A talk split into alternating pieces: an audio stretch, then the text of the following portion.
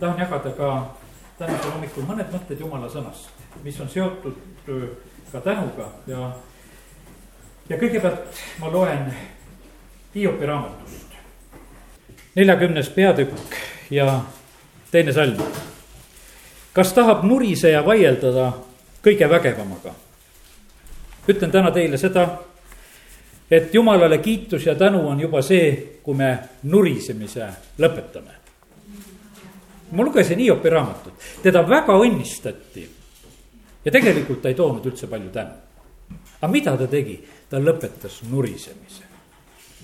ja sellepärast täna, kallid, kes te olete siin, osad on toonud väga hästi tänu, seda kirjalikult ja suuliselt ja kuidas iganes on tulnud aga kallid, ka see saab õnnistuse, kes on sellel aastal lihtsalt nurisemise lõpetanud.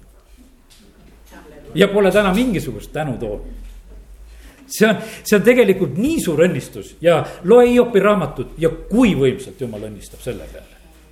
ja sellepärast olete te õnnistatud kõik, kes te olete vait istunud ja kes te pole kirjutanud, aga, aga peaasi, kui ka ei nurise. kiitus Jumalale. kas tahab nuriseja vaielda kõige vägevamaga ja ja siis on öeldud, jumala süüdistaja andku vastus.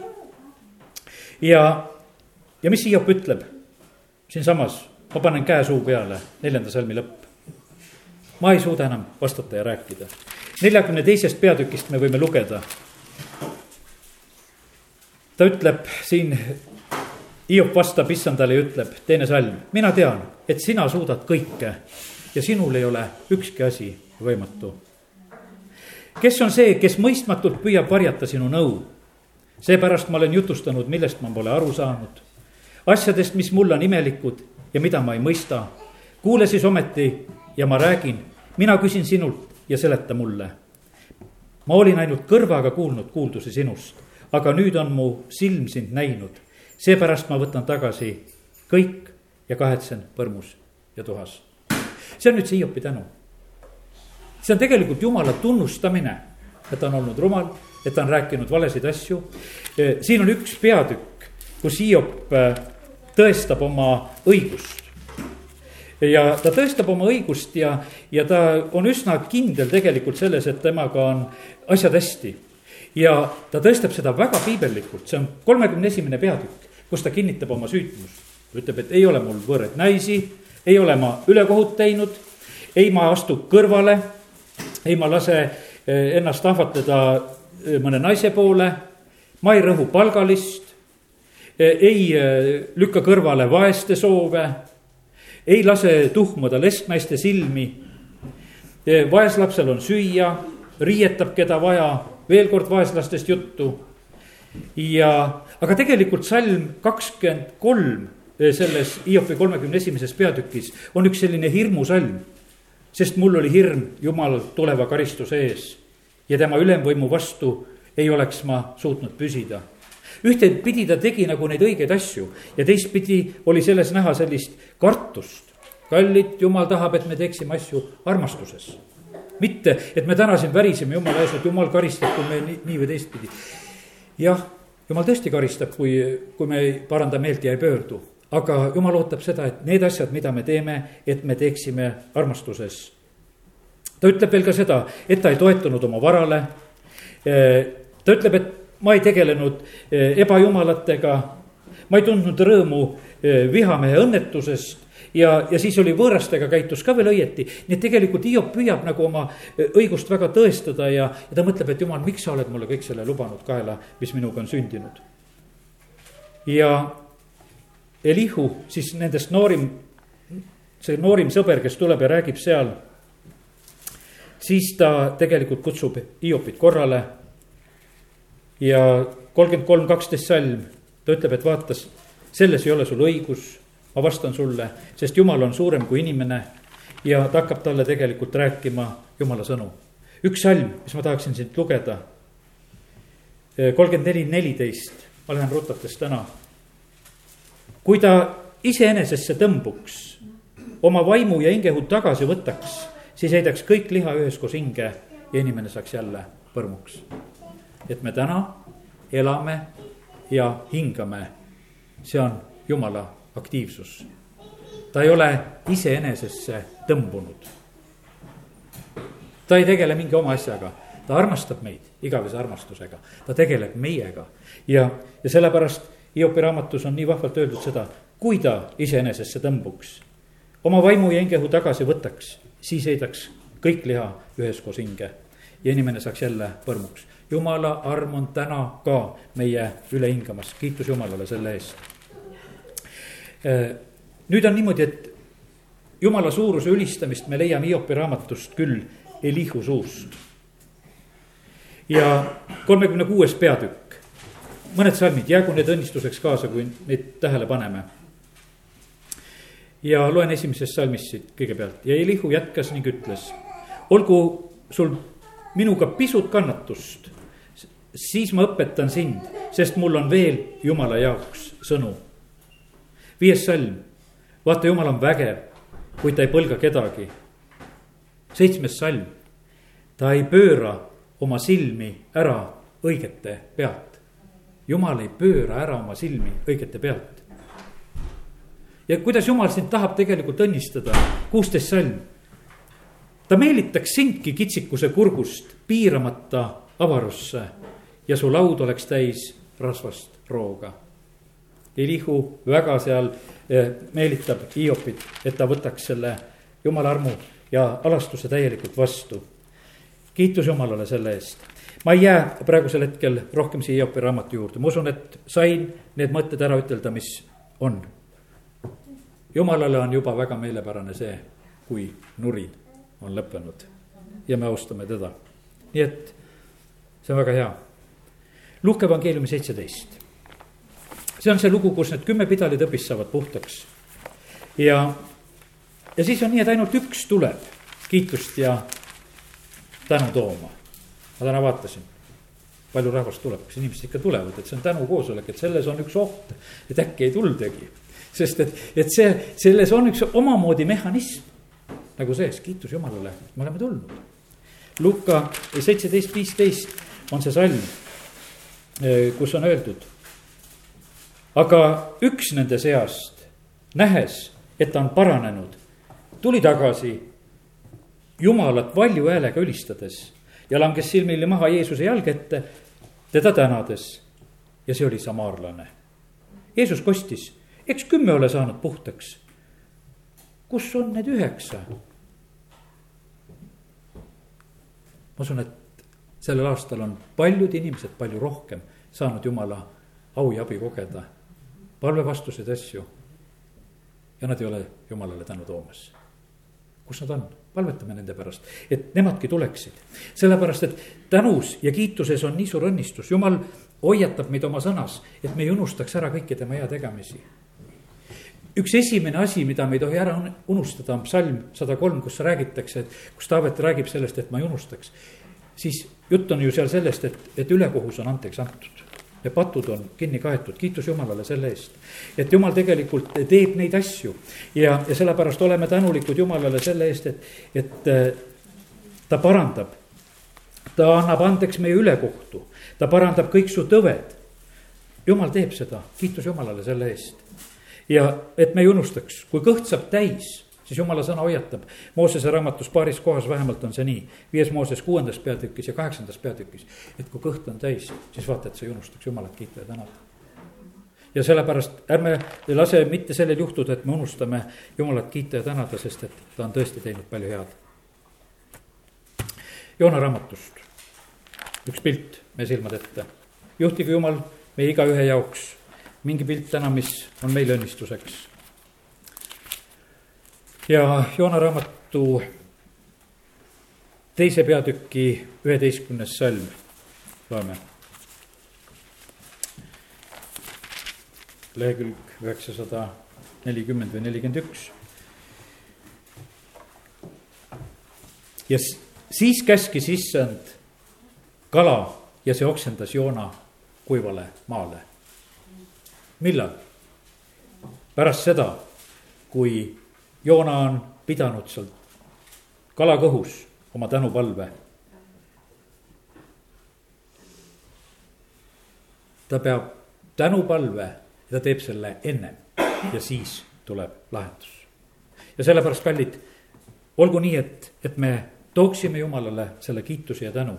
ja kui me seda suudame teha, siis tänastest tunnistustest, ma usun, et on jäänud mõnigi meelde ka, kus me oleme usaldanud teda, kus me oleme teda tänanud ja kiitnud, siis tulevad Jumala lahendused ja asjad. Eh, täna viitasin korraks eh, esimese Samueli raamatu esimesele ja teisele peatükile ja kuidas Anna toob tänu. ja Annal on terve tänulaul tegelikult seal teises peatükis. selles on õpetust, selles on kogemust, aga selles on Jumala austus. Ja sellepärast tahaks soovida seda, et, et meie tänu võiks olla ka selline, milles on nagu see sisu. ma täna nägin seda, siin oli nüüd tunnistustes seda, me oleme õppinud sellest kiitus Jumalale selle eest ja ärme lase kaduma minna seda, mida Jumal on meile õpetanud. toon ühe näite veel, vend eh, Martin Säägist. eile, kui selle näite kuulsin, ta oli sellise evangelisti olemisega. kellelegi inimesele, kui ta päästest rääkis, ta kord tõi selle võrdluse näite. et kui sa oled rabas ja kui sa oled uppumas, siis ei tasu palju rabelda, siis upud kiiremini siis on vaja oodata abi, kes sind päästaks. kallid, tahaks soovida seda kogemust, et need asjad, kus me oleme väga rabas, et me laseksime seal päästa Jumalale.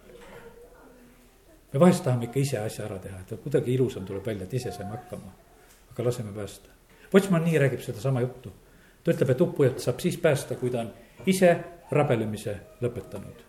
ja sellepärast võib-olla on täna nii, et mõnel on lõpeta nurin, mõnel on lõpeta rabelemine, mis iganes täna sa siit saad.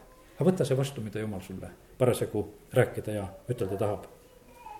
kiitus Jumalale selle eest, et Jumal on hea ja et ta kuuleb meie palveid ja vastab nendele. kõik au ja tänu kuulub issandale. kõik hea ja täiuslik and tuleb ülevalt valguse isalt ka loomulik tervenemine, täna hommikul sain selle mõtte nagu ka. ka, ka loomuliku tervenemise eest too tänu Jumalale. sest vahest me mõtleme, et noh, see läks loomulikult, et noh, niimoodi läks. aga Jumal on ka loonud selle.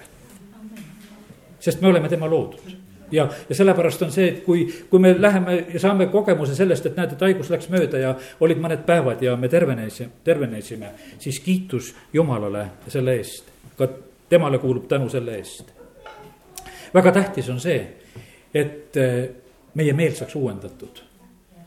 sellel aastal oli väga hea jutlus, eh, mida Aino jagas edasi siis, mis sealt Moskva kaudu tuli ja tõlkis ja, ja rääkis. see, mis rääkis just, mis toimub meie ajus. Ja kuivõrd tähtis on see, et seal oleks jumala sõna. see on terviseks kogu meie ihule.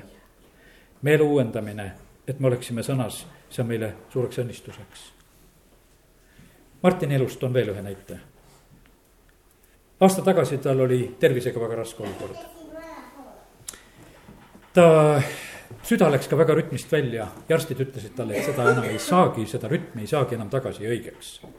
ta käib siis haigla koridoris, jalutab seal ja, ja selle teadmisega, et arstid ütlevad, et nemad ei suuda ja ei saa teda aidata, enam südarütm ei lähe. siis ta mõtleb, et issand, et kas siis niimoodi ongi siis see elu ots, et, et nüüd see süda on rütmist ära ja enam siit ei saagi ära ja et elu hakkab niimoodi lõppema. ja siis ta räägib issandale, et kui sa mulle veel elu kingid, et ma tahaks sind tunnistada. ta jalutab haigla koridori teise otsa ja siis seal annab ta juba tunnistuse. Inimesed vahivad telekat, telekast tuli midagi väära ja valet. ta juhtis sellele tähelepanu, rääkis mõne sõna Jeesusest ja ta süda läks rütmi. ta läheb arstide juurde tagasi, ütleb, mu süda läks rütmi. on jah no kontrollisid teisel ja kolmandal päeval, ütlesid, no mine koju.